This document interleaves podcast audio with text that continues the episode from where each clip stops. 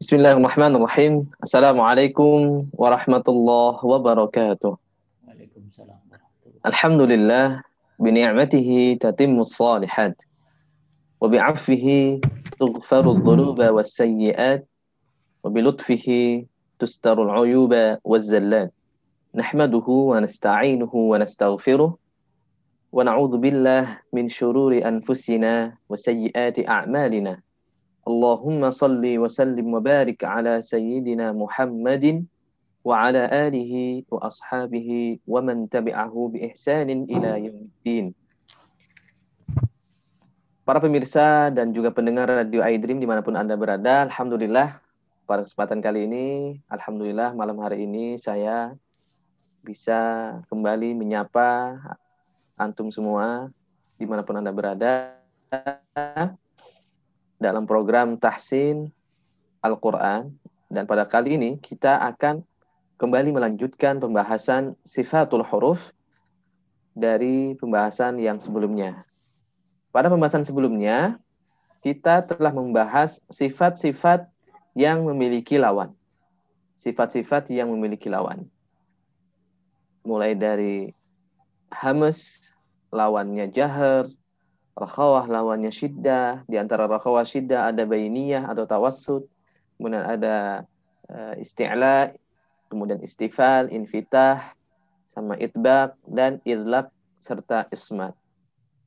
Dari lima pasangan sifat-sifat ini sudah kita bahas satu persatu. Dan kemarin juga ya pada pertemuan sebelumnya kita juga sudah uh, mencoba untuk tahsin surat Al-Fatihah ya. Jadi teman-teman juga pada minggu lalu sudah ada yang ikut berpartisipasi mentasmi'kan bacaan Al-Fatihah. Mudah-mudahan pada hari ini insya Allah ya kita dalam beberapa menit ke depan akan mencoba kembali mengurai sifat-sifat huruf yang tidak memiliki lawan. Jadi sifat-sifat yang yang yang kedua ini adalah sifat-sifat tidak memiliki lawan. Artinya sifat ini hanya dimiliki oleh huruf-huruf tertentu. Itu. Dan insya Allah kita akan bahas, tetapi tidak semuanya untuk malam ini. Kita akan bagi dua sesi. Ya, malam ini insya Allah akan kita sebutkan ada empat sifat. Lalu kemudian nanti insya Allah di sesi kedua akan ada tahsin surah An-Nas. Ya, tahsin surah An-Nas insya Allah. Jadi teman-teman yang ingin yang menyimak ya, yang ingin juga mentasmikan surah An-Nas nanti silakan uh, senantiasa mengikuti program ini dari awal dan nanti pada sesi tahsin silakan disimak dengan baik dan insya Allah nanti kami persilakan untuk ikut bergabung mentasmikan bacaan An-Nas. Baik para pemirsa dan juga para pendengar Radio Aindrim di mana pun Anda berada. Sekarang kita masuk kepada pembahasan sifat yang tidak memiliki lawan. Yang pertama, ada sifat as-safir. Ya. Ada sifat as-safir. As-safir secara bahasa artinya suara yang menyerupai suara burung atau suara desis. Ya. Suara yang menyerupai suara suara burung atau juga suara desis. Secara istilah artinya suara tambahan berupa desis yang khas yang menyertai huruf saat mengucapkan tiga huruf, yaitu sod, zai, dan sin. Sod, zai, dan sin. Jadi ada tiga huruf ini yang memiliki sifat khusus. Dan sifat ini tidak dimiliki oleh huruf-huruf yang lain, yaitu sifat sofir. Bagaimana bunyinya? Seperti huruf-huruf atau seperti kebiasaan kita dalam mengucapkan e, bahasa Indonesia juga. Jadi ada beberapa huruf yang kita kenal di dalam ejaan Indonesia seperti S ya. Nah, dia memiliki sifat atau memiliki suara desis. Kemudian ada Z, Z ya, Z, Z atau S, S ya, pada huruf S. Begitu juga dengan huruf-huruf Arabiyah atau huruf Hijaiyah, dia memiliki ada tiga huruf yang memiliki sifat as-sofir atau sis. Yang pertama ada sod ya. So, so ya. Nah, ketika kita tekan dia akan sangat muncul dengan uh, apa namanya dengan uh, jelas suara sofir terlebih ketika dia bersukun else else ya atau bertasydid aso aso aso ya. Begitu juga dengan sin ya. As as ya. As s, s, ya. Sa sa sa ya. Atau ketika dia bertasydid asa asa nah itu suara sofir. Kemudian yang terakhir ada huruf zai yaitu huruf uh, zai ya yang juga memiliki sifat sofir. Z, z ketika disukunkan z atau az az az ya. az ketika bertasydid azza azza az-zaitun az-zaitun ya az. Nah, ini adalah suara-suara sofir. Jadi, sifat sofir ini khusus dimiliki oleh tiga huruf ini saja sebagaimana yang disebutkan oleh uh, Imam Ibnu Jazari rahimahullah taala. Beliau berkata, "Sofiruha sodun wa zayun sinu." Sodun wa zayun sinu. Sofir itu huruf-hurufnya adalah sod, zay, dan sin. Baik, uh, demikian dari sifat sofir ya sangat mudah sangat gampang dan sangat eh, apa namanya mudah diingat ya mudah diingat bahwa huruf-huruf sofir ini hanya sin zai dan sod yaitu suara-suara desis yang menyerupai suara burung yang kedua berikutnya ada sifat yang tidak memiliki lawan adalah qalqalah al qalqalatu ya qalqalah nah sifat ini mungkin sangat familiar ya Sifat yang mungkin sering sekali kita dengar ya, kolkolah. Apa sih itu kolkolah? Mari kita lihat. Kolkolah secara bahasa artinya guncangan ya atau getaran ya. Secara istilah artinya getaran yang kuat pada makhraj huruf hijaiyah sehingga memberikan efek pantulan saat huruf-huruf tersebut disukunkan. Ya memberikan efek pantulan saat huruf-huruf tersebut disukunkan. Hurufnya ada qaf, to, ba, jim, dal atau dalam uh, istilah di Indonesia biasa juga lebih dikenal dengan baju di toko. Baju di toko ya. Ba, jim, dal, to dan qaf. Sebagaimana juga yang disebutkan oleh Imam Ibn Jazari, qalqalatun qutubu jadin. Qutubu jadin Qaf, To, Ba, Jim, dan Dal. Nah, ini adalah huruf-huruf yang memiliki pantulan. Terlebih nanti ketika dia disukunkan. Ya. Nah, ada beberapa tingkatan kolkolah ini. ya, Ada beberapa tingkatan atau pembagiannya. Bagian pertama sama bagian kedua ini yang ma'ruf atau mungkin yang lebih banyak diambil oleh pendapat mayoritas ya yaitu pertama adalah kolkolah sugro dan kemudian ada yang kedua qalqalah kubro. Ya, ada sugro, ada kubro. Lalu kemudian nanti ada beberapa uh, ulama atau beberapa ahli kiraat menambahkan ada yang qalqalah akbar dan ada juga yang menambahkan qalqalah asghar, ya. Baik, kita uraikan satu persatu. Qalqalah sugro.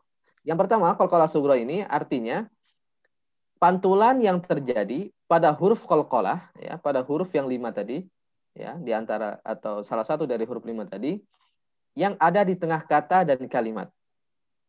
Yang ada di tengah kata dan kalimat. Ya.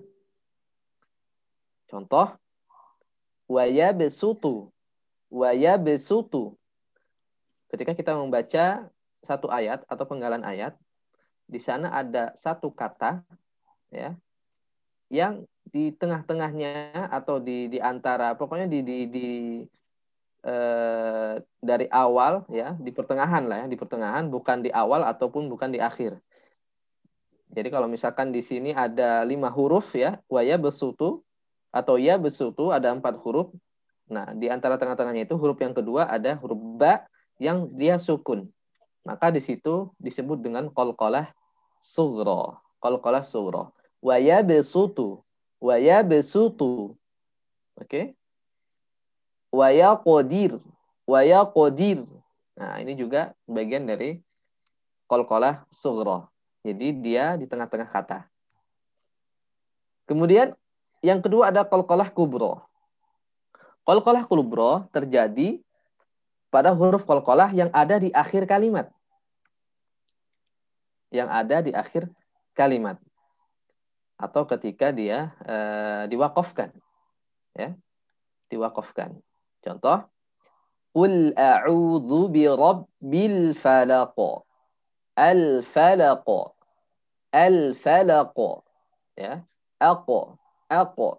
Ketika di akhir kalimat ya ketika di akhir kalimat atau di akhir ayat al falaq ketika kita wakaf ya intinya ketika kita wakaf.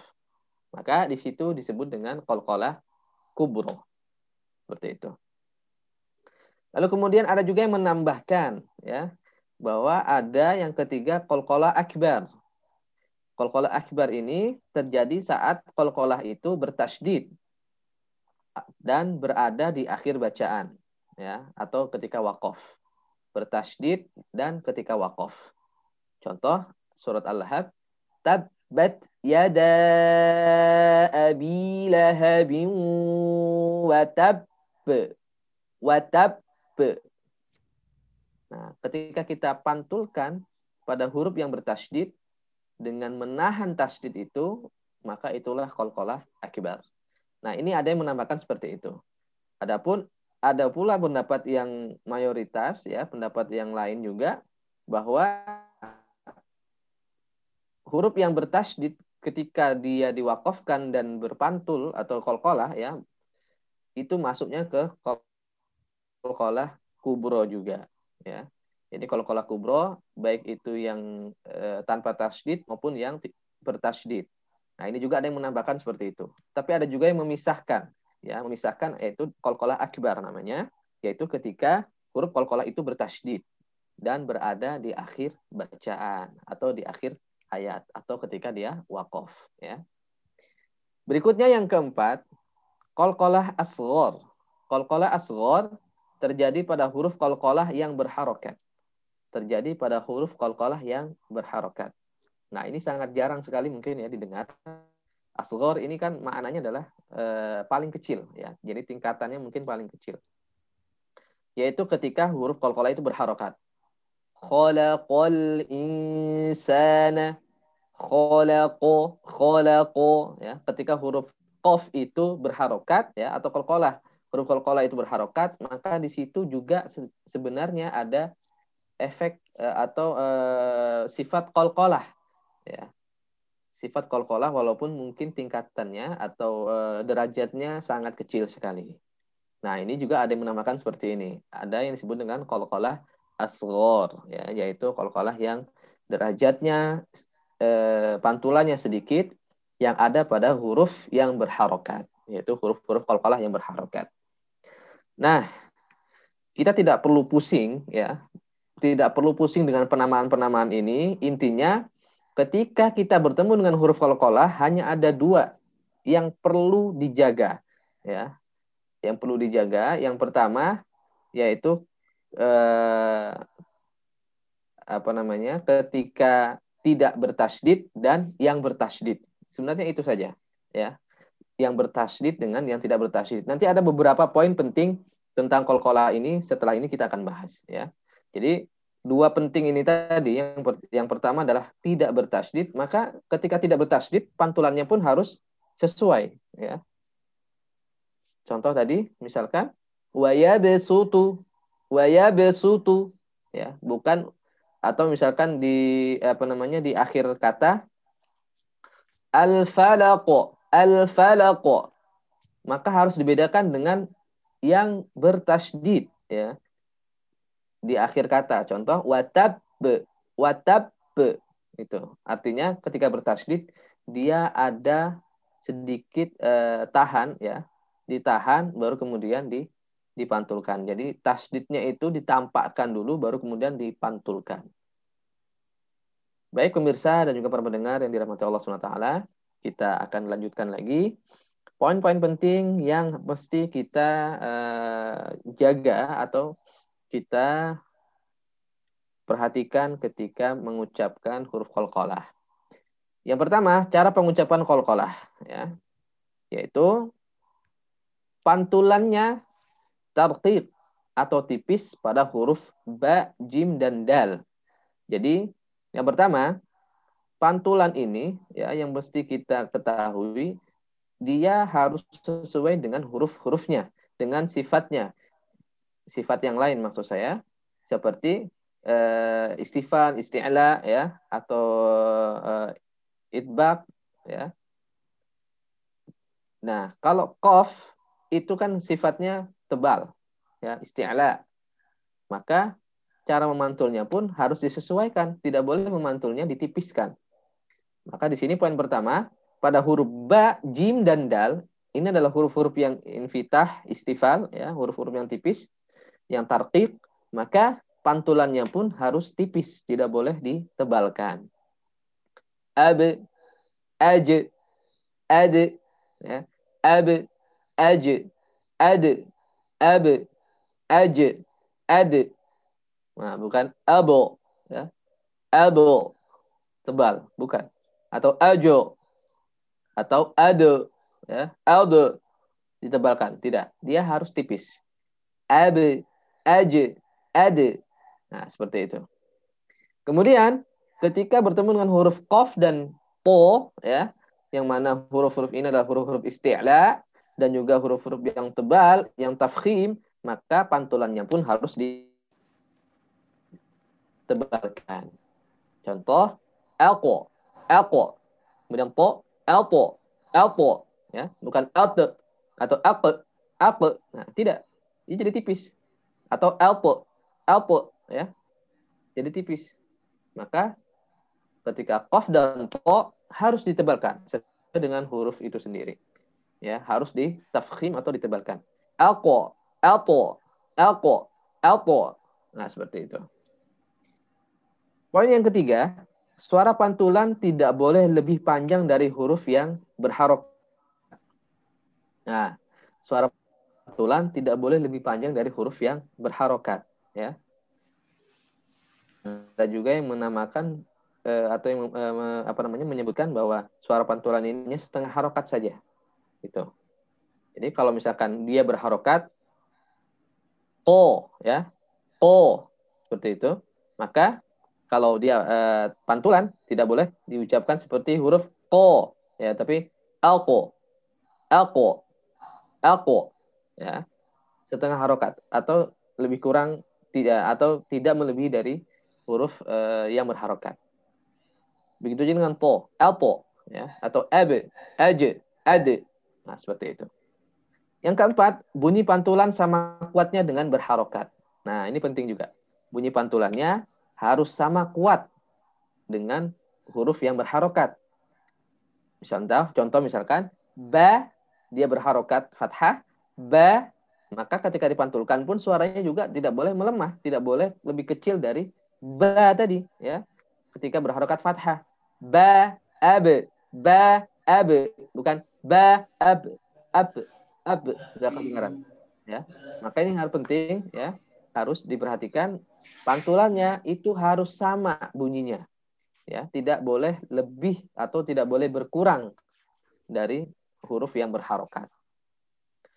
Kemudian yang terakhir suara pantulan mengalir tanpa hentakan. Suara pantulan mengalir tanpa hentakan. Contoh eh, ab misalkan ya suaranya terputus atau dihentak. Abe abe ada e di ujungnya ya. Abe ya atau ako ako ya ada e ada hentakan di ujungnya itu nah ini adalah beberapa yang yang perlu diperhatikan saat kita mengucapkan kolkolah. Kemudian beberapa kesalahan yang sering terjadi juga dalam kolkolah. Suara pantulan bercampur dengan salah satu dari harokat eh, dari tiga harokat bercampur dengan salah satu dari tiga harokat. Contoh, misalkan ba, ya, aba, aba, ya, atau misalkan dia kasroh, ibi, misalkan, atau barokat domah, ubu, ubu, ya. Jadi nyampur seperti seolah-olah ubu, seolah-olah ba ini berharokat domah, ubu, ubu, ya. Maka itu harus dihindari. Ube, dia domah ya ube, bukan ubu. Kalau dia berkarokat kasroh, ibe, bukan ibi. Kalau dia fathah, bukan aba, aba, bukan, tapi abe, abe, seperti itu. Ya. Yang kedua, menambah huruf hamzah setelah pantulan. Nah, ini yang tadi juga dicontohkan. Ya. Contoh misalkan huruf-huruf yang istilah biasanya ya. Alto. O ada e di ujungnya. Alto. Ya. Atau alko. Gitu. Aje. Aje ada e ya. Atau ade ya e atau abe e di ujungnya. Nah, ini juga harus dihindari. Kemudian suara pantulan memanjang seolah-olah menambah suara baru saat memantulkan huruf. Suara pantulan memanjang seolah-olah menambah suara baru saat memantulkan huruf ya. Nah, ini juga sering terjadi ya. Suaranya memanjang. Contohnya misalkan eh, abe ya, ade ya. Jadi kayak seolah-olah de dibaca de gitu ya. Atau abe be be. Nah, suaranya memanjang. Nah, ini juga harus dihindari. Dan yang terakhir, ada jeda antara pantulan dengan huruf berikutnya saat kolkolah sughra. Ada jeda antara antara pantulan ya dengan huruf berikutnya saat kolkolah sughra. Nah, kolkolah sughra tadi masih ingat ya, ketika dia di tengah-tengah kata. Nah, biasanya ini suka terjadi jeda. Contoh misalkan waya kodir dibaca waya kodir waya kodir. Nah, ini juga hati-hati jadi jangan sampai ada jeda atau terputus suaranya. Waya kodir. Nah, ini tidak boleh. Harusnya waya kodir. Iqra bukan iqra. Nah, bukan iqra. Nah, kalau iqra itu suaranya terputus, ada jeda. Maka yang benar iqra atau waya kodir. Tidak boleh waya kodir. Nah, tidak boleh ter terputus seperti itu. Dan yang juga harus dihati-hati, ini juga sering terjadi. Contoh misalkan yang paling sering terjadi di surat Al-Ikhlas. Ya. Qul huwallahu ahad. Nah, ada yang menahan. Nah ini tidak boleh ditahan. Kenapa? Karena dia tidak bertasdid hurufnya. ya Tidak bertasdid. Nah kadang sering kita dengar ya ada yang membaca Al-Ikhlas di akhir ayat, di ayat pertama. Ahad ditahan tidak boleh. Seharusnya ahad langsung mantul. Ahad ya. Itu. Dan juga tidak boleh dipanjangkan ahad ahad ya. Seperti itu. Nah, ini adalah yang berkaitan dengan kolkolah ya, yang berkaitan dengan kolkolah. Baik pemirsa dan juga para pendengar Radio Edrim di mana pun Anda berada. Berikutnya, sifat yang ketiga adalah sifat alin ya, sifat alin. Alin secara bahasa artinya lembut atau mudah. Lembut atau mudah. Secara istilah artinya pengucapan huruf yang lembut dan mudah saat mengucapkan huruf-hurufnya. Sifat ini disematkan pada huruf pada huruf waw dan ya yang sukun yang huruf sebelumnya berharokat fathah. Jadi sifat lin ini disematkan atau dikhususkan pada huruf waw dan ya, yang mana huruf waw dan ya ini berharokat sukun, kemudian diawali dengan berharokat fathah. Tuh. Jadi kalau diawali domah atau kasroh itu tidak masuk ya. Jadi harus diawali dengan fathah. Au, ai, au, ai. Nah itu lin. Ya. Itu adalah bacaan lin. Imam Ibnul Jazari berkata, walinu wawun wa ya'un sukna wan fataha qablahuma. Linu wawun wa ya'un sukina wan fataha qablahuma. Adapun lin itu hurufnya waw dan ya yang sukun yang mana diawali dengan fathah sebelumnya. Nah, itu yang di eh, dimaksud dengan huruf atau yang dimaksud dengan lin ya. Alin artinya secara istilah yaitu pengucapan huruf yang mudah, yang lembut ya. Saat mengucapkan huruf-hurufnya artinya ketika kita baca ai, au itu sangat mudah ya.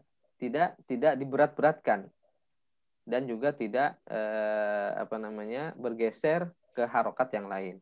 Nah, di bawahnya kita lihat hati-hati mengubah lin pada ya menjadi imalah. Nah, ini sering terjadi. Apa itu imalah? Yaitu suara yang berbelok ya, miring atau condong atau dalam apa namanya? Dalam istilah yang gampang itu bunyinya e, imalah itu, ya. Contoh misalkan wailun. Wailun. Contohnya wailun ya. Dibaca wailun.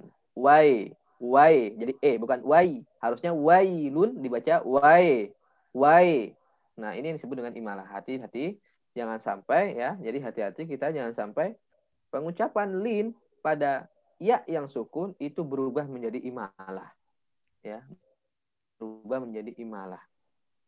Wailun. Nah, tidak boleh. Harusnya wailun lil mutaffifin misalkan ya. Atau dalam surat uh, Quraisy di ilafi Quraisy ya, bukan Quraisy bukan Roy Ish ya, bukan, tapi Quraisy ya. Nah, itu li. Begitu juga dengan huruf waw. Hati-hati jangan sampai berubah menjadi huruf menjadi suara uh, o misalkan. Contoh misalkan apa? Uh, qaumun misalkan. Qaumun dibacanya qau, qau. Ya, atau yang lain misalkan uh, au ya misalkan au dibaca au au dibaca o au harusnya au dibaca au ya bunyinya seperti dhamma monyong au. Nah gitu ya. Ini bukan au au. Bukan bunyi huruf o tapi bunyinya huruf artinya adalah u seperti itu ya. Nah ini yang dimaksud dengan uh, alin berikutnya yang terakhir pembahasan kita dari sifat yang tidak memiliki lawan pada malam hari ini adalah al-inhiraf ya. Al-inhiraf atau al-inhiraf. Inhiraf secara bahasa artinya melenceng atau menyimpang, melenceng atau menyimpang ya. Secara istilah artinya bergesernya makhraj satu huruf ke makhraj huruf yang lainnya. Sehingga aliran suara aliran suara pada huruf itu tidak sempurna disebabkan terhalangnya oleh lidah. Tuh. Asal hukum inhiraf ini adalah terlarang kecuali pada huruf lam yang bergeser ke makhraj nun dan huruf ro yang bergeser pada makhraj lam ya. Sebagaimana Imam Ibnu Jazari berkata, "Walin hirafu suhiha fil lami war ra." Walin hirafu suhiha fil lami war ra. Dan inhiraf itu dibenarkan atau dibenarkan ya, dibolehkan ketika ada eh, ketika pada huruf lam dan ro. Ada juga yang berpendapat bahwa pergeseran yang terjadi pada inhiraf itu terletak pada pergeseran sifat dan suara. Jadi tadi kalau di di apa istilah yang pertama tadi bergesernya itu dari makhraj ke satu makhraj satu ke makhraj yang lain. Nah, ada juga yang berpendapat bahwa pergeserannya itu adalah pergeseran sifat dan suara, ya. Yaitu ketika huruf lam dan ro yang bersifat rakhawah, ya, lam dan ro sebagaimana yang sudah kita bahas sebelumnya, masuknya ke dalam rakhawah, ya, bergeser ke sifat syiddah. Ya. Maksud saya eh, lam dan ro ini yang sifatnya tawasud ya. Dia bergeser ke sifat syiddah disebabkan tertahannya aliran suara lidah. Nah, itu ya. E, sifat lam dan ro ini dia bergeser yang seharusnya dia bisa mengalir lebih eh, apa namanya agak deras ya suaranya maka seolah-olah ada yang menahan ya tertahan suaranya yaitu suara dari atau yang yang menahan adalah lidah kita. Seperti itu. Kita untuk lebih gampangnya kita lihat eh, visualnya. Kita lihat di sini inhiraf pada huruf lam ya. Pada huruf lam dilihat di bagian eh, sebelah kiri ya. Suara itu berbelok ya, melenceng yang seharusnya lurus dia berbelok ke kanan dan kiri. Ya. ke sisi-sisi lidah ya. Kemudian kenapa dia berbelok? Karena ujung lidahnya tertahan. Ujung lidahnya tertahan sehingga suara pun tidak bisa uh, keluar dari tengah-tengah. Lalu kemudian dia berbelok. Nah, ini yang disebut dengan inhiraf ya. Seperti itu. Itu juga ini kita lihat gambarnya ya. Yang tengah maupun yang di sebelah kiri, eh sebelah kanan. Nah, seperti itu. Kemudian pada huruf ro juga sama ya. Huruf ro jadi tidak bisa mengalir dengan e, deras ya, tidak bisa mengalir dengan dengan apa namanya? gampang. Kemudian dia berbelok ya. Harusnya dia lurus semuanya, akhirnya dia mengerucut kalau pada ro ya.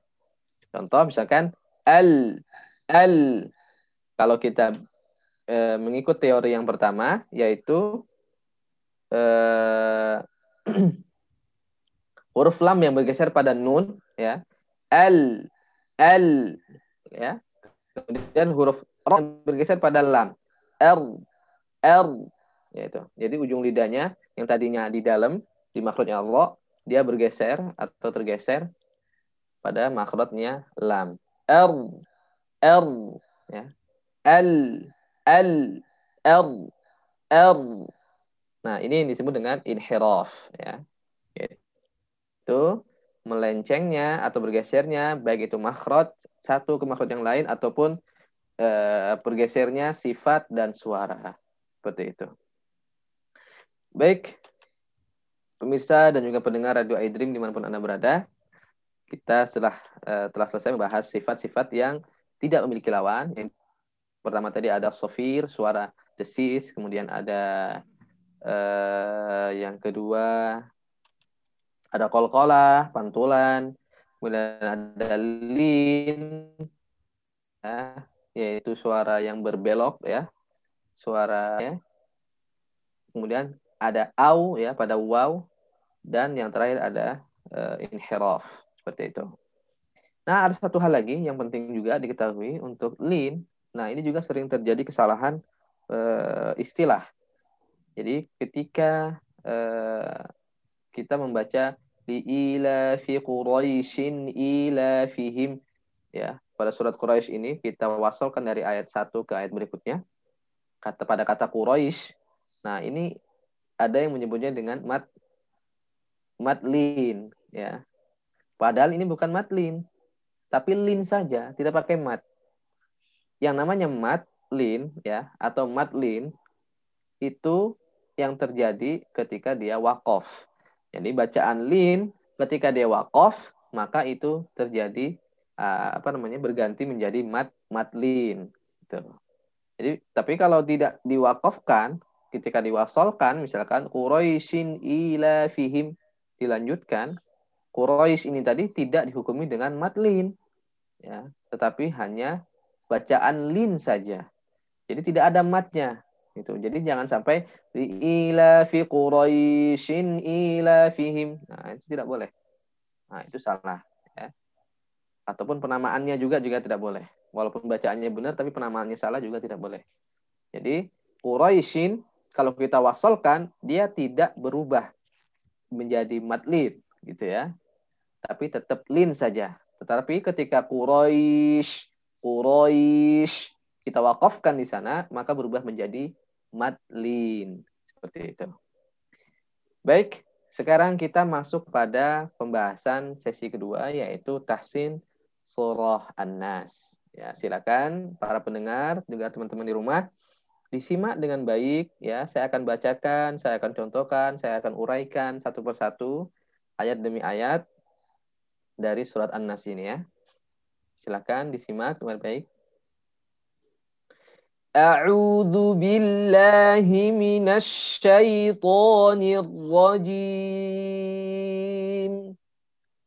minasy syaithanir rajim Bismillahirrahmanirrahim kita masuk ke ayat pertama. Qul a'udzu bi rabbin nas. Saya ulang. Qul a'udzu bi rabbin nas. Kul pertama, kul ada qaf ya. Kita harus benar-benar bisa membedakan antara qaf dengan kaf. Jangan kul, kul pakai kaf, maknanya akan berubah drastis ya. Yang harusnya dikatakan atau katakanlah ya, kata perintah kul katakanlah kalau kita ganti dengan kaf berubah menjadi makanlah. Ya, kul makanlah. Maka ini akan berubah makna yang sangat fatal. Harus ditebalkan hurufnya ya, harus diisti'lakan ya. Kul pada lam di sini lam ada tawassutnya. Jadi nggak boleh langsung hilang suara. Kul a'udhu tidak, tapi kul a'u l, l ya, jangan sampai hilang begitu saja. Qul a'udzu bi rabbin nas. Nah, pada pembahasan sebelumnya kita tidak menemukan huruf-huruf nun dan mim yang bertasydid, yaitu bacaan-bacaan gunnah. Nah, pada kali ini ada nun yang bertasydid, maka di sana dihukumi dengan gunnah, dengung ya. Gunnah ini hukumnya dua dua harokat. Qul a'udzu bi rabbin nas. Nah, ada sin tadi masuk ke pembahasan sofir ya. Harus didesiskan, harus diberikan hames, aliran udara dan juga harus diberikan rakhawah, aliran suara. Nggak boleh langsung hilang begitu saja. Bi rabbin nas. Nas nggak kelihatan. Nah, ini juga salah. Jadi harus dialirkan udara, alirkan suara, dan diberikan desis pada huruf sin. Bi rabbin nas. Ya. Nas. Seperti itu. Kemudian ayat kedua. Malikin nas. Malikin nas. Ya. Maliki. Maliki. Di sini sering terjadi huruf ma ya itu dipanjangkan. Malikin ya. Udahlah ma-nya panjang, bunyi ma-nya juga ditebalkan. Malikin ya. Nah, ini hati-hati. Jadi jangan sampai maliki ya. Ataupun tidak dipanjangkan juga maliki enggak. Harus ditipiskan ma-nya dan tidak dipanjangkan ya. Malikin nas Malikin nas. Kemudian gunnah pada nun ini kita juga harus benar-benar mengukur dengan baik. Jangan sampai berkurang ya, kurang dari dua harokat atau lebih dari dua harokat. Malikin in n ya. Malikin nas ya Malikin nas. Ingat, guna harus mengalir ke hidung ya. Kemudian ayat ketiga, ilahin nas. Ilahin nas. Nah, seperti itu. Nah, terkait dengan mat arid di sukun ya. Di setiap akhir ayat ya. Nas itu itu dihukumi dengan mat arid disukun. Mat arid disukun itu harokatnya boleh dua, boleh empat, sampai maksimal enam harokat. Jadi itu adalah pilihan. Silakan mana yang lebih memudahkan ya. Jangan memaksakan kalau nafasnya tidak sampai. Jadi silakan diatur dengan baik. Tapi insya Allah ini kan ayat-ayatnya pendek ya. Kita menggunakan yang panjang saja. Itu lebih lebih maksimal. Kemudian Ayat yang keempat. Min syarril waswasil khannas. Kita ulang lagi. Min syarril waswasil khannas. Yang pertama, min syarri. Ini adalah ikhfa ya, ikhfa hakiki ya. Nun sukun bertemu dengan shin. Min syarri Roknya tipis. Dan ingat di situ ada tasdid. Jangan sampai hilang tasdidnya. Syarri. Syarri. Ya. Nanti pada pembahasan sifat huruf yang eh, yang tidak ada lawan, berikutnya nanti ada tikrar. Nah, pada tikrar ini ya, atau takrir, ada huruf ro yang memiliki takrir ini itu tidak boleh terlalu berlebihan.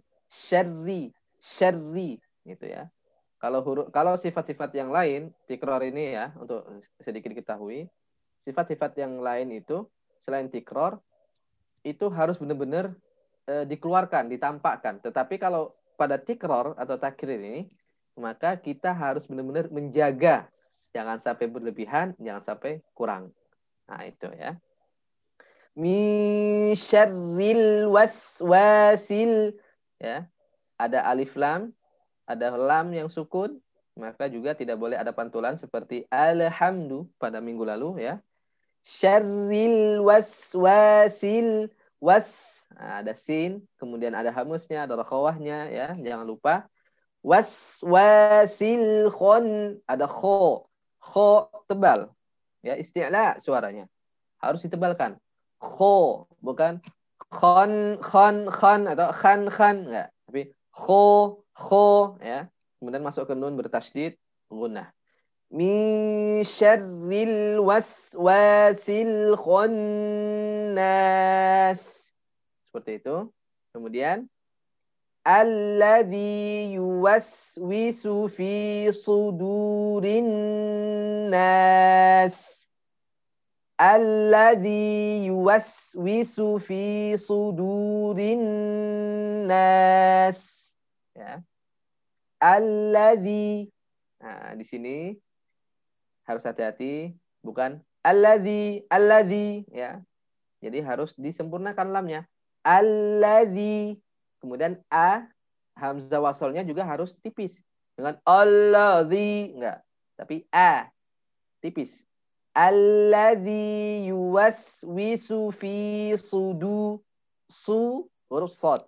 Hati-hati. Sering kita mengucapkannya dengan sin. Sudur. Nah, ya, tidak, tapi su huruf sod. Su tekan. Pangkal lidah ditekan. Ya. Kemudian setelahnya ada dal. Di sini juga sering terjadi kesalahan menukar dal dengan dot. Sudu, sudu ya.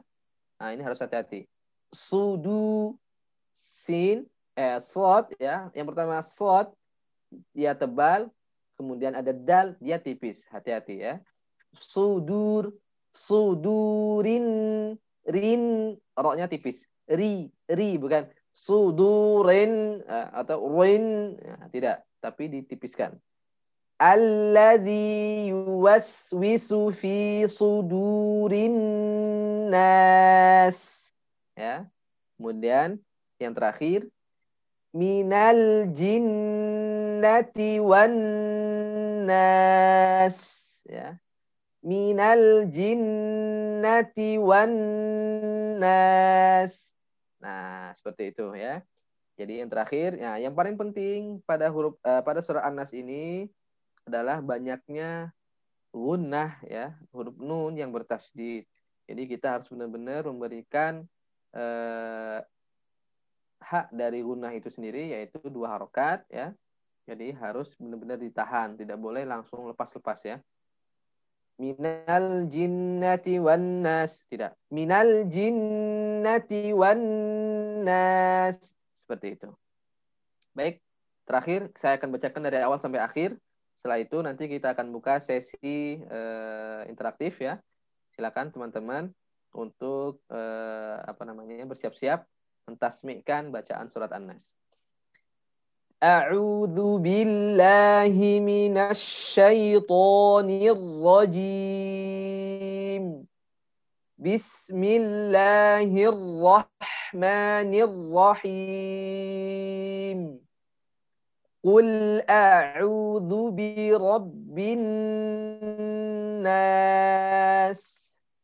ملك الناس إله الناس من شر الوسواس الخناس الذي يوسوس في صدور الناس minal jinnati wan nas. Baik, demikian untuk sesi kali ini. Silakan teman-teman yang ingin berinteraksi ya dengan mentasmikan surat An-Nas kami persilakan. Kami kembalikan lagi ke host kita, Abi Kenji. Silakan. Baik, eh, jazakumullah kita ucapkan kepada guru kita Ustaz Khalis As-Saum LC yang sudah menguraikan tema kajian tahsin eh, pada program ngaji from home kali ini dengan tema sifatul huruf tadi ya. Uh, dan juga sudah kita dengarkan bacaan yang sempurna ya, yang baik dan benar. Uh, surah An-Nas. Nah, jadi bagi Anda sahabat Dream Radio yang uh, seperti yang dikatakan Ustaz tadi jika ingin ikut mentasmi kan atau memperdengarkan bacaan Anda kepada guru kita untuk diperbaiki jika ada kekurangan silakan bergabung di nomor WhatsApp kita. Baik Ustaz, sudah ada penelpon yang masuk. Ya, silakan. Sebentar.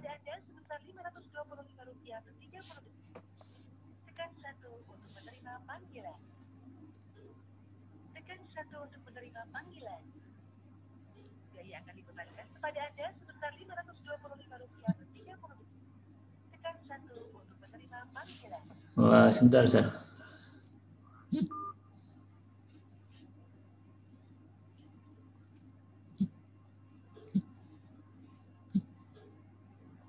Hmm.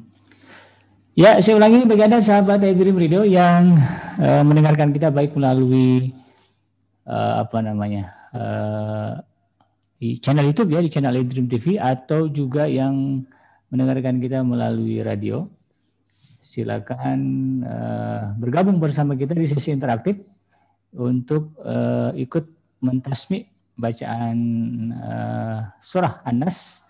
Atau Ustaz jika ada yang ingin mentasmi kembali surah Al-Fatihah mungkin di pekan yang lalu tidak sempat, boleh nggak Ustaz? Boleh, boleh. Silakan, Ahlan. Boleh ya. Jadi keras, uh, mungkin kalau pekan lalu tidak sempat mentasmi surah Al-Fatihah, uh, karena ini surah penting ya, uh, yang uh, mesti kita kuasai. Eh, karena kan kita baca di dalam sholat. Jadi silakan uh, bergabung bersama kita. Biaya akan dibebankan kepada Anda sebesar Rp525 per 30 detik. Tekan satu untuk menerima panggilan. Halo, Assalamualaikum. Halo?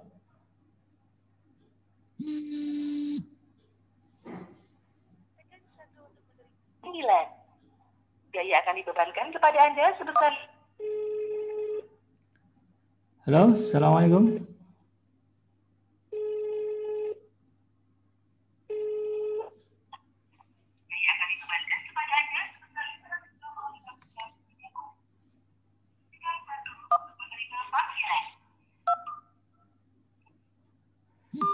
Uh, susah. Kita coba menghubungi kembali.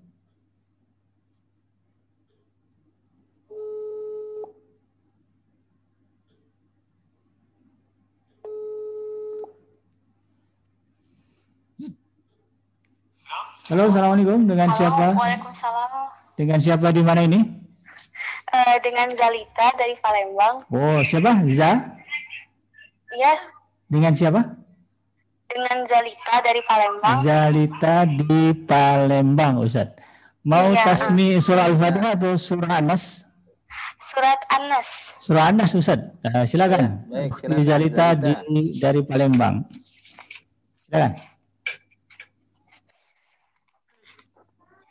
أعوذ بالله من الشيطان الرجيم بسم الله الرحمن الرحيم قل أعوذ برب الناس ملك الناس إله الناس من شر الوسواس الخناس الذي يوسوس في صدور الناس minal jinnati wan nas. Masya Gimana Allah. Ustaz? Cukup atau mau diulang? Barakallahu fiik. Ya, cukup. Cukup. Kita Baik, akan Ukti. langsung eh, apa Ya. Disimak penjelasan Ustaz ya melalui channel YouTube atau melalui Ya, gelombang ya, 14 lain. siap, siap. Eh, Saya ucapkan jazakillah. Ya, terima kasih. Sama-sama. Oke, Assalamualaikum. sama-sama. Ya, jazakallah khairan. Barakallahu fiik buat Zalita di Palembang. Hmm, kampung Ya, Ustaz nih. yang pertama eh, Zalita ya. Jadi ini sambil menunggu yang lain juga. Ya boleh Ustaz, silakan. Eh, eh, eh, pada saat pengucapan Bismillahirrahmanirrahim pada huruf nun harokat kasroh tadi terdengar eh, tidak sempurna pengucapannya. Ya lebih terdengar Bismillahirrahmanir ne ya. Bukan ni tapi ne. Nah ini harus hati-hati. Jadi pengucapannya harus disempurnakan. Bunyinya ni tidak ke e. Nirroh nah itu tidak. Kemudian eh, berikutnya ada gunnah ya. Di setiap gunnah tadi eh, saya perhatikan hampir merata gunnahnya kurang ya. Kurang dari dua harokat. Nah ini harus kita sempurnakan. Malikin nas ya. Beda sama malikin nas. Nah, sama-sama menahan tetapi yang pertama itu lebih sempurna. Yang kedua eh, hanya satu atau satu setengah harokat saja tidak sampai dua harokat Nah, itu. Jadi kita sempurnakan gunahnya, tetapi hati-hati jangan sampai berlebih, jangan sampai lewat dari dua harokat. Kemudian kembali lagi ke eh, kesempurnaan harokat fathah ya. Mi syarri harusnya dibaca syarri tadi terdengar syarril. Syarril ya. Mi syarril waswasil sil. Nah, itu ber- eh, harokat kasronya nanti Zalita silakan diperbaiki lagi disempurnakan bunyi kasroh itu i ya standarnya i bukan e ya atau e tidak nah seperti itu baik jazakallah khairan terima kasih sudah bergabung. Saya ucapkan sekali lagi jazakillah kepada Ukti Zarita di Palembang yang telah bergabung bersama kita. Baik, eh, silakan sahabat Edilm yang dirahmati Allah, baik eh, yang mendengarkan kita, kita melalui gelombang 104 AM untuk wilayah Jabodetabek. Ada juga yang mungkin sedang menyaksikan kita, menyimak kita melalui eh, channel YouTube kita di channel iDream TV. Jika ingin mentasmi bacaan eh, Anda kepada guru kita Al-Ustaz Khalis As-Saumi, LC, baik surah Al-Fatihah di yang sudah dibahas pada pekan lalu atau juga mungkin surah An-Nas yang dibahas pada hari ini eh, menghubungi kami di nomor WhatsApp di 0822 988 Saya ulangi di nomor 0822 988 Jangan lupa yang menyaksikan kita melalui channel YouTube untuk menekan tombol like dan juga subscribe karena itu merupakan bentuk dukungan Anda untuk eh, kemaslahatan program kita. Eh, dan tentunya eh, program ini akan sangat eh, apa namanya eh, luar biasa ya jika eh, anda semuanya turut mendukung, eh, terutama dalam sesi interaktif. Saya coba hubungi hubungi eh, hubungi hubungi lagi Ustaz ya. Ya, Tadi ada yang telepon masuk. Eh, sebentar.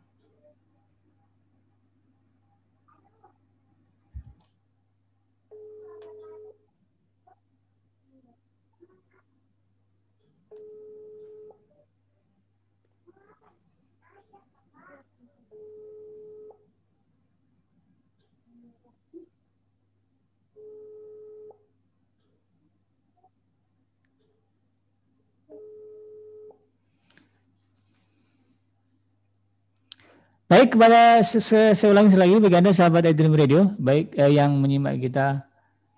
Assalamualaikum. Waalaikumsalam warahmatullahi wabarakatuh. Dengan siapa di mana? Saya Dewi dari Gorontalo. Dewi dari Gorontalo. Baik Ustaz, sudah ada yang masuk. Ini dari Ukti Dewi ke dari Gorontalo katanya ini. Jauh ya. silakan Ya, silakan Ukti mau eh, tasmi surah Al-Fatihah atau surah eh, Anas? Jawab ini. Surah An-Nas. Surah Anas, silakan. أعوذ بالله من الشيطان الرجيم Bismillahirrahmanirrahim. Qul a'udzu birabbin nas malikin nas ilahin nas min syarril waswasil khannas.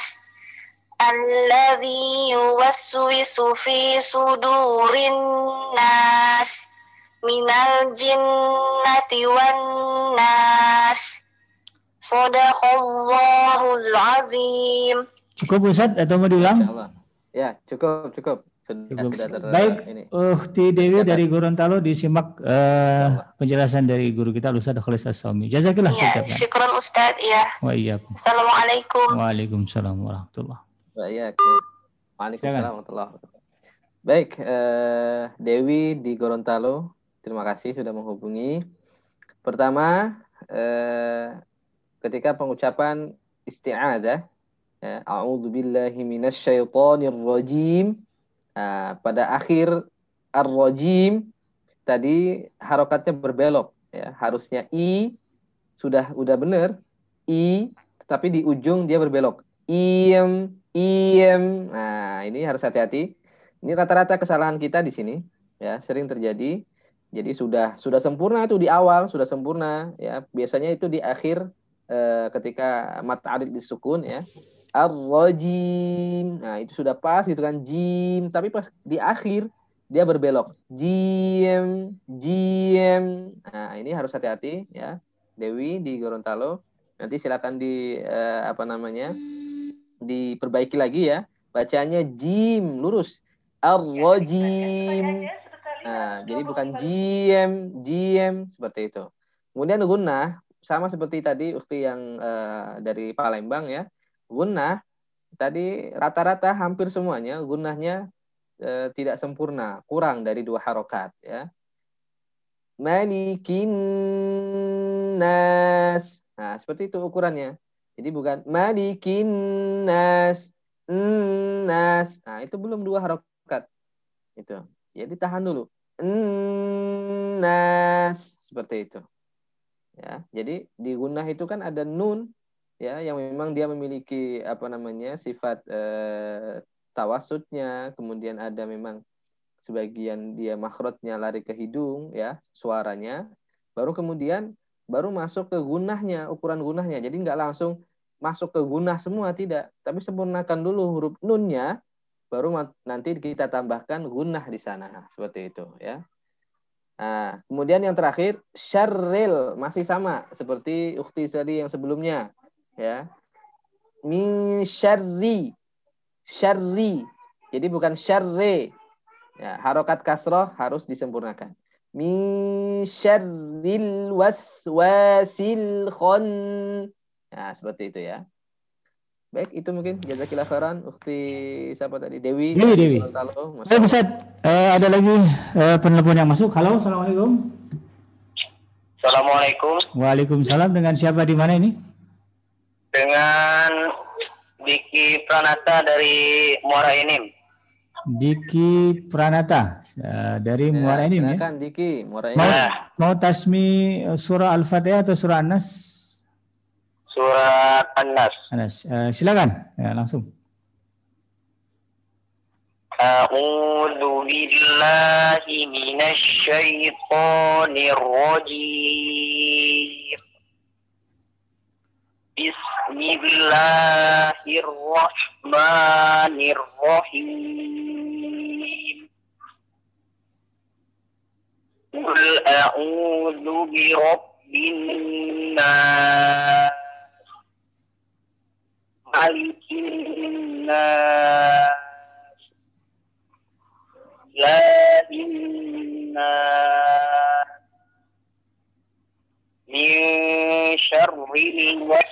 وفي الخناس الذي يوسوس في صدور الناس من الجنة والناس صدق الله العظيم Baik, eh, ya, jazakallah Ustaz untuk Ahi Diki Pranata di Muara Enim. Silakan disimak pendengaran eh, penjelasan dari guru kita Ustaz Khalis As-Saumi.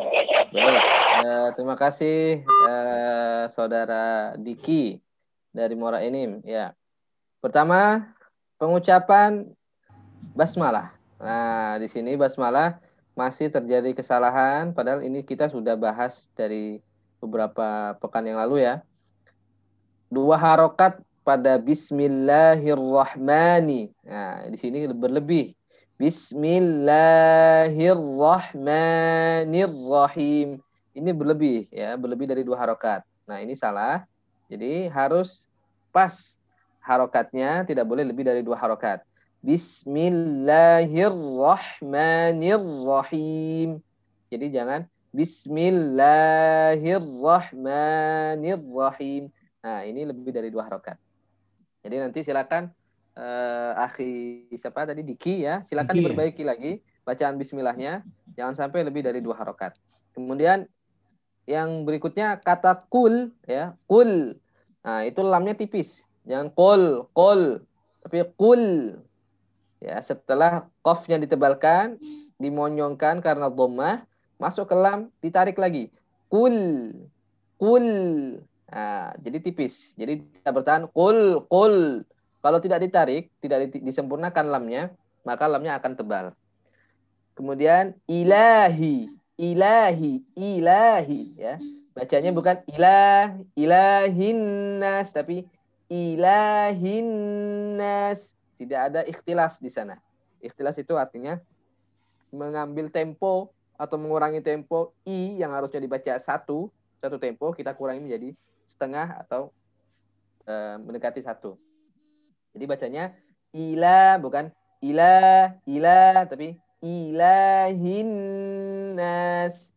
Kemudian syarril waswasil ya mi syarril. Nah, itu tadi uh, kata atau huruf ro di sana ditebalkan syarril syar harusnya syarri tipis ro-nya tipis syarri bukan syarril tidak ditebalkan. Kemudian lagi-lagi gunnah ya. Hampir semuanya tadi dari tiga penelpon kita gunnahnya belum tepat ya atau kurang tepat.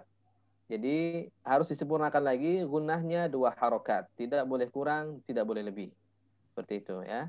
Jadi nanti silakan diperbaiki lagi, disimak lagi ya ulasan-ulasan tentang gunnah yang telah kita sebutkan di awal tadi. Baik, jazakumullah khairan. Baik Ustaz, kita coba lagi uh, penelpon yang lain.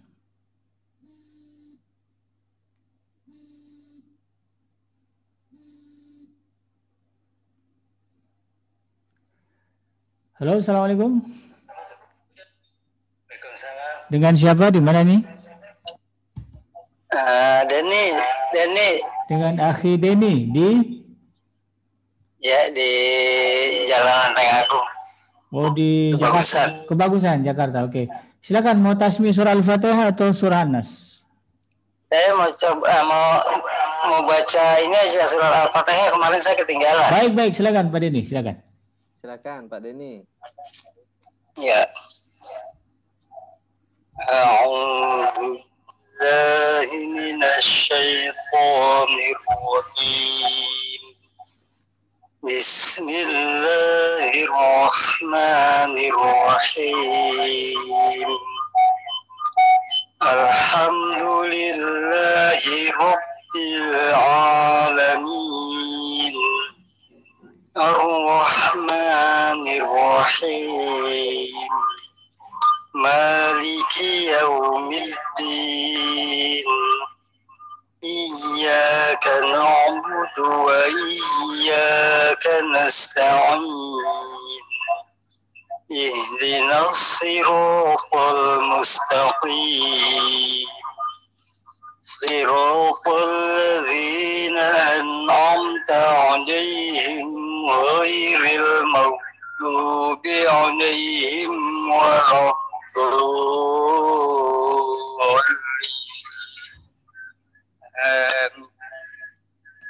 Masya Allah. Baik. Ya. Eh, jazakallah Pak Denny. Silakan didengar penjelasan dari Ustaz Saya, kita. saya, maaf, saya mau tanya ini lagi sedikit ya. Boleh boleh silakan. Ya, silakan. Eh, huruf huruf sin, sin. Huruf sin. Nah, saya mohon dijelasin eh, di mana posisi lidah. Saya dengar melalui radio. Saya ini tunanetra. Oh, masya Allah. Masya Allah. Masya Allah, Masya Allah. Baik, Ya. baik. Sama, sama huruf sodnya. Mohon dijelasin posisi lidahnya. Oke, sin dan sod ya Pak Denny. Ya, terima kasih. Masya. Allah. Mudah-mudahan setia menyimak kita. Assalamualaikum warahmatullahi wabarakatuh. Waalaikumsalam warahmatullahi Assalamualaikum wabarakatuh. Masya Allah. Ini Pak. Netra di Ya. Kebagusan Jakarta mendengarkan melalui radio Ustaz. Silakan. Oh, Masya Allah dari radio ya. Iya. Baik, eh, Pak Denny, Barakallahu Fik, Jazakallah Khairan sudah bergabung di kita. Pertama, kita akan eh, koreksi terlebih dahulu ya di Al-Fatihah. Nanti baru kita, kemudian nanti akan kita coba eh, mencontohkan huruf sin.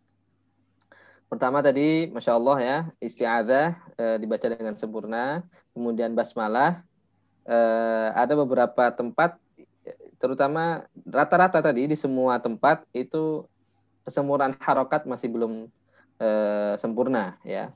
Jadi contoh misalkan Bismillah ya harusnya kita tipiskan Bismillahi. Nah seperti itu Bismillahi. Karena nanti kalau tidak disempurnakan akan berdampak pada tebalnya huruf-huruf yang seharusnya tipis jadi tebal. Nah seperti itu.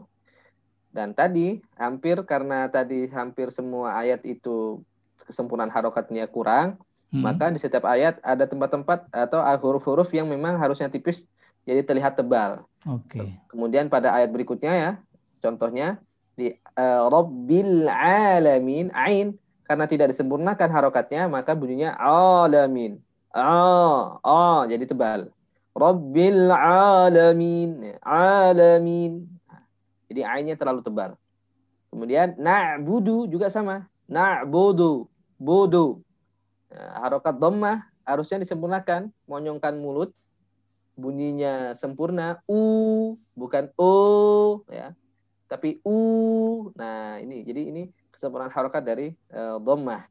Na'budu, iyyaka na'budu, bukan iyyaka na'budu bodo nah, tidak. Tapi budu ya. Na'budu. Kemudian an'amta sama. Tadi eh, eh, hamzah terlihat tebal an ya. Harusnya an dibaca on kemudian am jadi baca om. Nah itu jadi karena memang eh, hampir merata dari awal baca tadi sampai akhir itu kesempurnaan harokatnya eh, belum tepat jadi nanti silakan Pak Denny dilatih terus ya eh, untuk kesempurnaan harokat ini yaitu terutama di fathah dan dhammah. Ya, fathah dan dhammah. Lebih banyak tadi si fathah ya yang banyak terlihat eh, berkurang. Berikutnya eh, kita akan coba uraikan lagi makhraj dari huruf sin. Huruf sin itu makhrajnya ada di ujung lidah. Ujung lidah ya.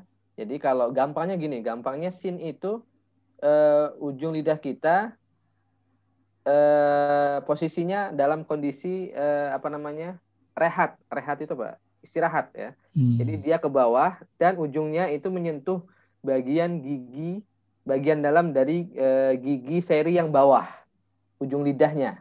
Menyentuh. Tidak ditekan tapi menyentuh saja. Itu S, contoh.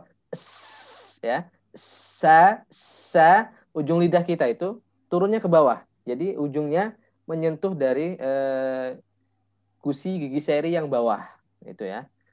Itu jadi di- dia tidak menekan pada beda dengan seperti ta misalkan dia harus menekan pada ujung apa pada pada gusi gigi seri yang atas ya ditekan. Tapi kalau sin itu tidak ditekan. Jadi dia dibiarkan saja lidah itu kemudian ujungnya itu menempel pada gusi gigi seri yang bawah. Nah itu huruf sin. Jadi silakan nanti. Gampang sekali sebenarnya. Sama seperti kita mengucapkan huruf eh, apa namanya huruf s ya pada pada bahasa Indonesia. S sa saya saya. Nah itu lidah kita secara otomatis akan menyentuh gigi seri yang bawah gusinya ya ke bawah gitu ya. Bagian dalam yang di bawah itu jadi bukan ditekan kalau ditekan nggak tahu saya bunyi atau tidak itu S- s- ya tidak perlu ditekan jadi dia hanya menyentuh saja nah itu huruf sin Barakallahu fiik. Ya, terima kasih Baik. Pak Denny. Kalau Semoga- tadi Ustaz, huruf Ya. sod Huruf sod sama. Huruf Hmm. sod itu sama.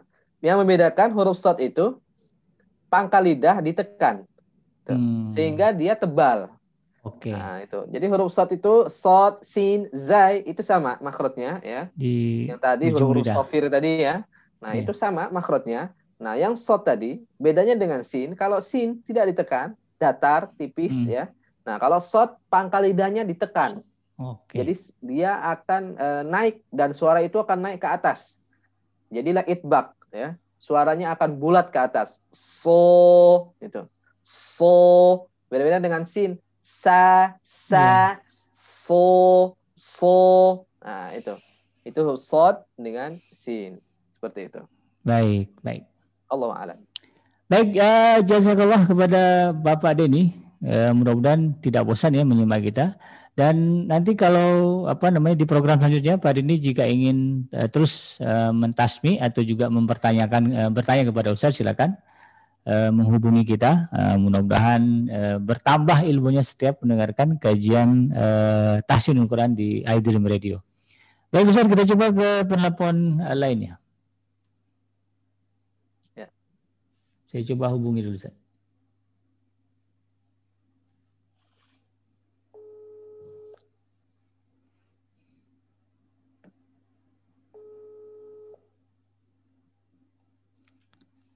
Assalamualaikum. Waalaikumsalam dengan eh, siapa ini? Di mana?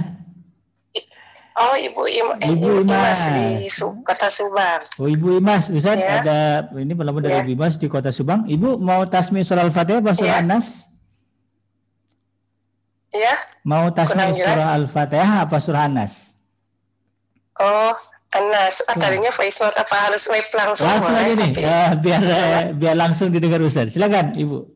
Di Subang ya? Oh, sekarang Iya, langsung. sekarang Ustaz sedang mendengarkan. Oh, iya.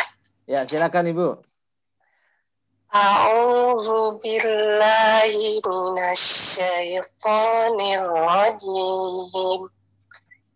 Bismillahirrahmanirrahim. Qul a'udzu birabbin nas malikin nas ilahin nas min syarril waswasil khannas alladzi yuwaswisu fi sudurin nas minal jinnati wan nas Masya Allah. Baik. Syukran jazakumullah Nah, baik, silakan disimak Ibu Imas eh, penjelasan dari Al-Ustaz Khalis As-Saumi. Jazakillah saya ucapkan. Silakan. Terima kasih Ibu di Subang. Pertama, eh, ada huruf yang makrotnya kurang tepat, yaitu huruf zal. Ya. Tadi ketika mengucapkan isti'adzah, a'udhu, kemudian juga ketika membaca qul a'udhu, ya, huruf zal, ini tadi terdengar seperti zai, a'uzu. Nah, jadi tidak tidak pada makrotnya. Zal, kita ulangi lagi, makrotnya ada di ujung lidah yang kita sentuh atau kita tekankan pada ujung gigi seri yang atas. Ya, ujung lidah bertemu dengan ujung gigi seri yang atas. Jadi seolah-olah lidah kita itu digigit ujungnya. Nah, seperti itu. The, the, the, ya. A'udzu, zu, zu, ya, bukan zu, zu. Kalau zu itu sama seperti sin tadi. Ya, zu, ujung lidahnya nggak bergerak. Ujung lidahnya itu hanya menempel pada gigi seri yang bawah. Itu bagian dalamnya. Nah, kalau ini zal itu justru harus ditekan. Ditekan, kita tempelkan, kita tekan pada ujung gigi seri yang atas. Zu, zu, ya. A'udzu. Nah, seperti itu. Begitu juga dengan tadi eh, pada ayat pertama di An-Nas ya. Qul a'udzu juga har harus menggunakan dzal. Berikutnya eh, pengucapan harokat kasroh yang condong ke e ya Hmm. berimalah. Nirro ya. Minasyaitonirro ne ne. Nah ini harus hati-hati. Kita sempurnakan harokat kasrohnya. Minasyaitonirro nirro seperti itu. Kemudian eh, kata kul. Nah di awal ya. Kul a'udzu nah itu tadi terlalu cepat pengucapannya. Kul a'udzu ya seperti itu. Nah ini harus dihati-hati jadi kita sempurnakan lamnya. Kul a'udhu. Kul a'udhu. Kita sempurnakan huruf lam. Kemudian eh, secara umum bagus. Hanya saja ada bagian gunnah yang tadi di beberapa tempat yang kurang eh, apa namanya kurang lama gunnahnya ya jadi kurang di tempo apa namanya durasi dari gunnah jadi sekali lagi gunnah itu dua harokat ya tidak boleh berkurang, tidak boleh lebih dari dua harokat. Allahu a'lam. Eh. Jazakillah khairan, Bu. Baik, Ustaz. Ya. Terima kasih ya tuh jazakillah kepada Ibu Imas di Subang. Mudah-mudahan apa yang Ustaz jelaskan bisa difahami dan coba diperbaiki mana yang kurang uh, bacanya. Mudah-mudahan semakin hari semakin baik. Baik Ustaz, kita lanjut ke penelpon berikutnya.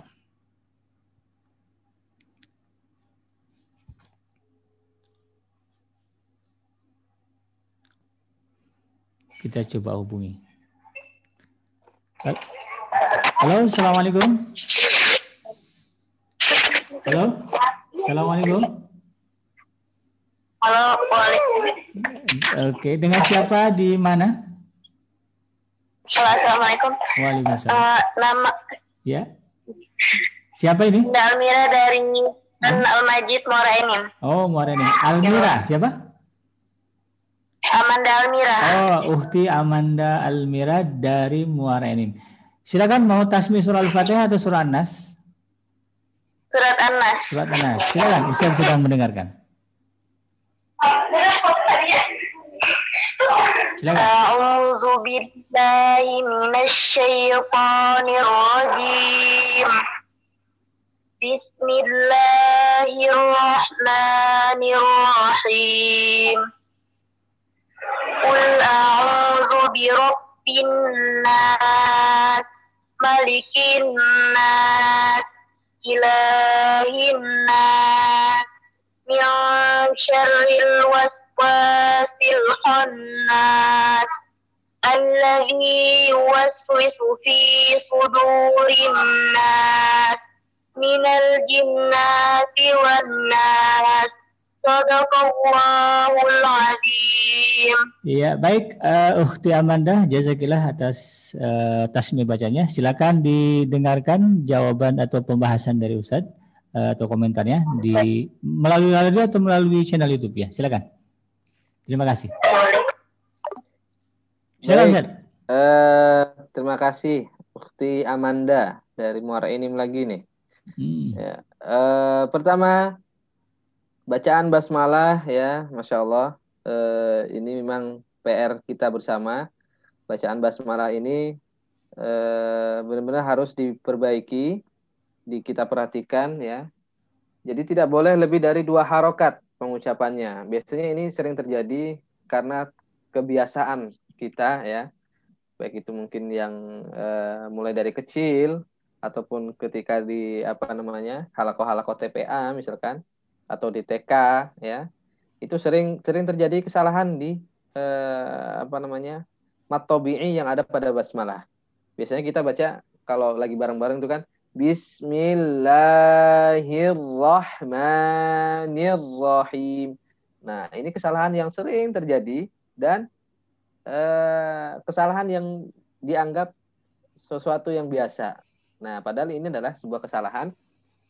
Jadi jangan sampai dua harokat itu lebih dari dua ya kalau yang tadi kita yang dibacakan tadi itu eh, bisa sampai tiga atau bahkan mungkin sampai empat harokat ya hmm. lebih yang intinya lebih dari dua harokat gitu nah, ini harus hati-hati ya ukti Amanda nanti silakan diperbaiki lagi eh, bacaan basmalahnya baik, kemudian baik. ada juga yang lebih fatal lagi ya atau atau hmm. ada beberapa yang eh, apa namanya di ayat berikutnya yang kelebihan mat ya. Hmm. pada kata ilahin nas ya. Ilahi ilahi. Di sini lamnya dua harokat.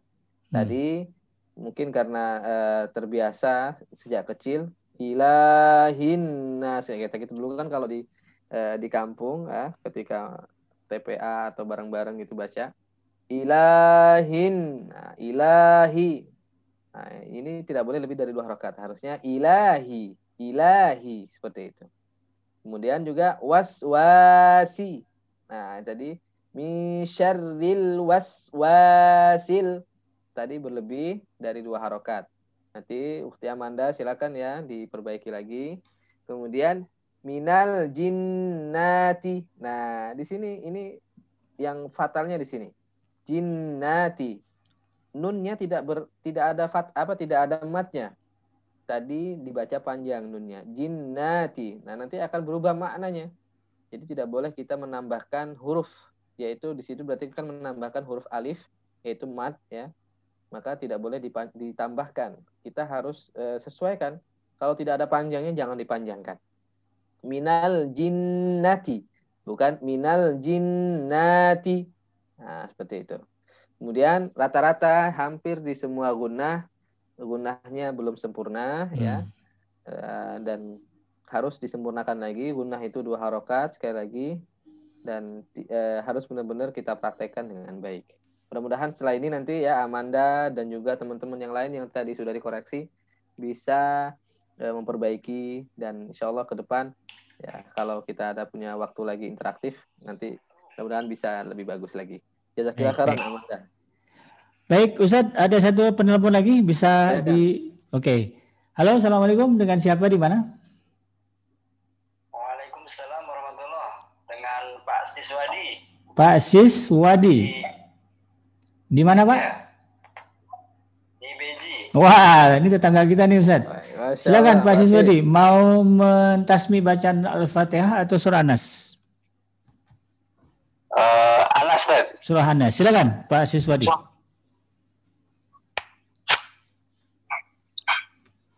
أعوذ بالله من الشيطان الرجيم. بسم الله الرحمن الرحيم قل أعوذ برب الناس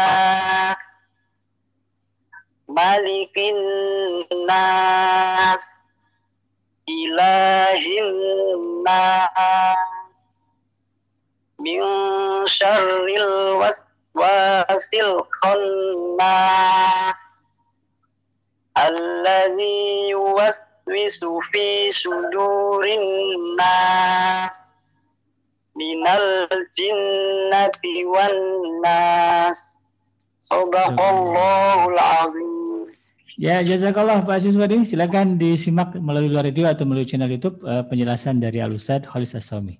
Assalamualaikum. Ya. Silakan Terima kasih.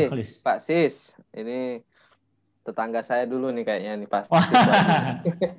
Silakan Ustadz. Ya. Gimana bacaan beliau nih? Eh, Pak Sis, Masya Allah ya. Eh, isti'adahnya fasih sekali. Alhamdulillah. Kemudian basmalahnya tadi eh, sedikit berlebih matnya ya. Jadi kalau nanti kita atau di apa kita dengarkan lagi siaran ulangnya. Tadi Bismillahnya sedikit eh, berlebih dari dua harokat.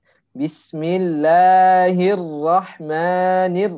Nah itu sudah berlebih dari dua harokat. Nah, nanti bisa diperbaiki lagi. Kemudian syarri ya tadi syarril roknya ditebalkan.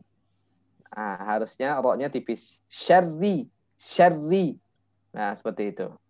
Kemudian catatan lagi gunnah. Gunnah alhamdulillah sih secara umum sudah bagus ya. Hanya ada beberapa titik tadi yang kurang sempurna, tapi eh, di antara pembaca yang sudah menelpon tadi eh, untuk gunnah ini Pak Sis termasuk yang terbaik lah. Wah, dengan yang lain ya. ya.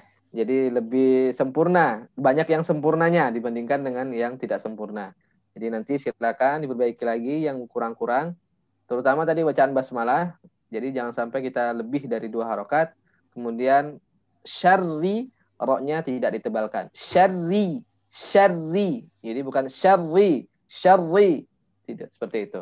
Allahu a'lam. Baik, baik. Ustaz masih ada waktu nih, ada satu telepon lagi diizinkan kan? Ahlan, ahlan.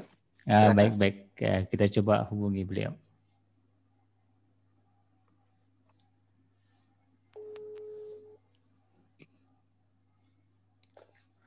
Halo, assalamualaikum. Assalamualaikum. Dengan siapa di mana? Waalaikumsalam. Waalaikumsalam warahmatullahi wabarakatuh. Hmm. Dengan eh, Rahmi di Pekanbaru. Oh, dengan Ukti Rahmi Ustaz di Pekanbaru. Mau tasmi surah Ya. Al-Fatihah atau surah An-Nas? Anas. Mana? Silakan, Ukti. Baik.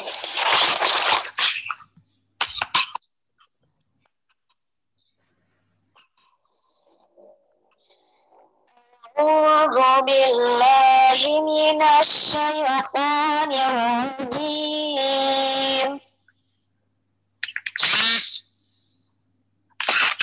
بسم الله الرحمن الرحيم.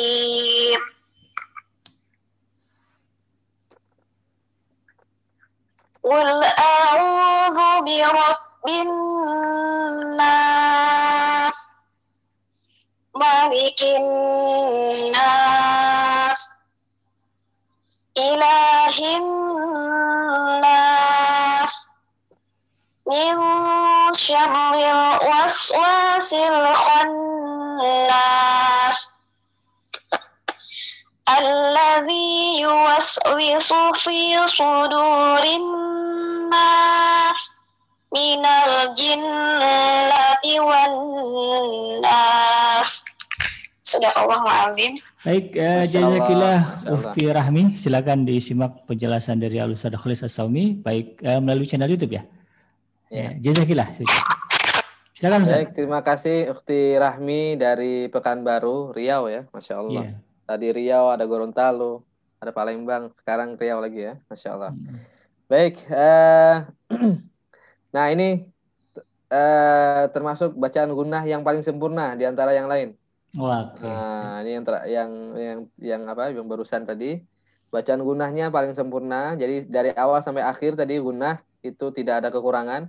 Pas semuanya ya. Jadi teman-teman nanti silakan dicontoh ya anas apa gunnahnya di bacaan surat An-Nas. Jadi seperti itu, gunnahnya tidak boleh lebih atau kurang dari dua harokat.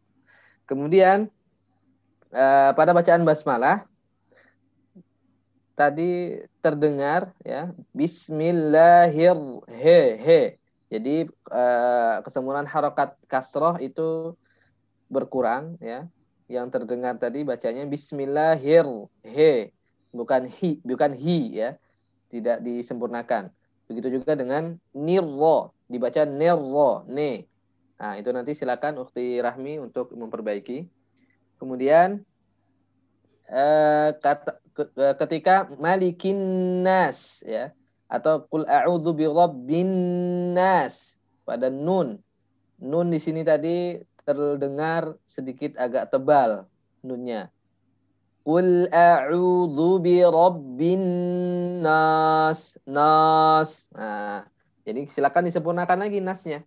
Huruf nunnya ya. Malikin nas nas ya, bukan nos nos seperti itu. Kemudian eh, pada ikhfa min syarri, hukum ikhfa di sini ketika ada nun sukun bertemu dengan shin ya, dia hukum dengan ikhfa. Nah, terkait dengan ikhfa ini nanti gunnahnya ya, gunnah pada ikhfa ini akan terbagi menjadi dua. Ada yang ditebalkan, ada yang ditipiskan. Nah, ketika bertemu dengan huruf-huruf tebal atau huruf-huruf isti'la, maka gunnahnya ditebalkan. Tapi sebaliknya, kalau bertemu dengan huruf yang istifal ya, atau infitah yang tipis, maka gunnahnya pula ditipiskan. Nah, tadi Ukti Rahmi membacanya dengan tebal. Seharusnya dibaca tipis. Ya, bukan mil syarri. Mil, tapi mi syarri, tipis. Jadi bukan mil syarri. Jadi tidak ditebalkan. Nah, itu catatan untuk Ukti Rahmi. Ya, mudah-mudahan nanti setelah ini bisa diperbaiki mi syarri ya. Bukan mil tidak ditebalkan. Nah, nanti pada pembahasan lebih lanjut tentang ikhfa hakiki ya. Nanti kita akan bahas lebih detail lagi untuk apa namanya bacaan gunnah pada ikhfa. Jadi nanti ada dua, ada yang ditebalkan dan ada yang ditipiskan. Allahu a'lam. Baik, baik, baik. Ya. baik sahabat Edrim yang dirahmati Allah di mana pun anda berada. Uh, sepertinya waktu kita sudah habis. Jadi sesi uh, kajian ngaji from home dengan tema uh, tahsinul Quran uh, dengan ini tidak bisa dilanjutkan lagi. Tapi insya Allah kita akan bertemu lagi pada pekan-pekan yang akan datang. Namun Ustaz, uh, sekedar konfirmasi saja, apakah selama di bulan Ramadan masih tetap kita adakan atau mungkin dipindahkan jamnya atau seperti apa Ustaz? Rencananya? Ya, uh, kalau rencananya sih saya masih tetap ingin melanjutkan karena pembahasan kita masih masih uh, terutama di sifatul huruf ya. Sifat huruf nah. kita belum selesai. Nah, nanti untuk waktu kita akan sesuaikan lagi. Begitu juga dengan harinya mungkin. Kalau yang jelas kalau malam uh, sepertinya tidak bisa. Nah. Mungkin yang paling efektif antara sore apa, ya. Sore, pagi asar, atau sore. Ya, pada asar ya, itu atau mungkin pagi. Oke. Okay. Silakan. Baik, uh, pokoknya nanti sahabat iDream diikuti saja perkembangannya di channel iDream TV ya. Insya Allah kita akan infokan juga atau juga mungkin bisa uh, bertanya kepada kita di nomor WhatsApp di 0822 untuk uh, info lanjutan terkait dengan program tahsin di bulan Ramadan yang akan datang. Dan saya ucapkan jazakumullah kepada para penelpon yang sudah uh, bergabung bersama kita di program interaktif Tahsinul Quran ada yang mentasmi bacaan surah Al-Fatihah, ada yang juga surah Nas. Saya ucapkan terima kasih. Jazakallah uh, jazakumullah kepada Ukti Zalita dari Palembang, kemudian Ukti Dewi dari Gorontalo, ada Hidiki Pranata di Muara Enim, kemudian ada Bapak Deni di Kebagusan, ada Ibu Imas di Subang, kemudian ada Ukti Amanda di Muara Enim, kemudian ada Bapak Siswa di Beji, dan terakhir ada Ibu Rahmi di ada Ukti Rahmi di Pekanbaru. Mudah-mudahan Masya Allah uh, bergabungnya Anda menjadi ibadah di sisi Allah Subhanahu wa taala dan menambah kepasihan di dalam melafalkan bacaan Al-Qur'an. Baik Ustaz, sebelum ditutup, silakan kalau ada closing statement uh, pemotivasi kita untuk uh, terkait dengan tasdidul Quran. Silakan Ustaz. Baik, uh, terima kasih banyak uh, para pemirsa juga juga pendengar radio iDream di mana pun anda berada. Alhamdulillah, terima kasih untuk teman-teman yang masih setia sampai uh, akhir program kita kali ini. Dan juga terima kasih juga kepada teman-teman yang sudah bergabung tadi ya. Alhamdulillah malam hari ini banyak yang menelpon ada delapan orang ini Masya Allah. Mudah-mudahan nanti ke depan uh, teman-teman semakin semangat dan kita Amin. bisa lebih banyak berinteraktif ya melalui udara. Dan terakhir sebelum kita tutup uh, kita manfaatkan peluang uh, apa namanya bulan Ramadan yang akan kita temui pada beberapa hari ke depan ya kita memperbanyak untuk berinteraksi dengan Al-Quran. Karena Al-Quran sendiri diturunkan pada bulan Ramadan dan tentunya banyak sekali kebaikan-kebaikan yang akan kita dapatkan ya. Dan dari baca tilawah saja dari tilawah yang kita baca dari bacaan Al-Qur'an itu sendiri pahalanya sudah berlipat-lipat ya. Apalagi ditambah lagi dengan eh, ibadah-ibadah yang lainnya Mudah-mudahan kita diberikan senantiasa diberikan kesehatan, kemudian disampaikan pada bulan Ramadan tahun ini dan disampaikan pula pada akhir Ramadan tahun ini dan dipertemukan kembali dengan Ramadan-Ramadan berikutnya. Jazakumullah khairan. Terima kasih banyak. Kalau ada salah-salah, saya mohon maaf. Terima kasih kepada Abi Kenji. Tafadhol, silakan.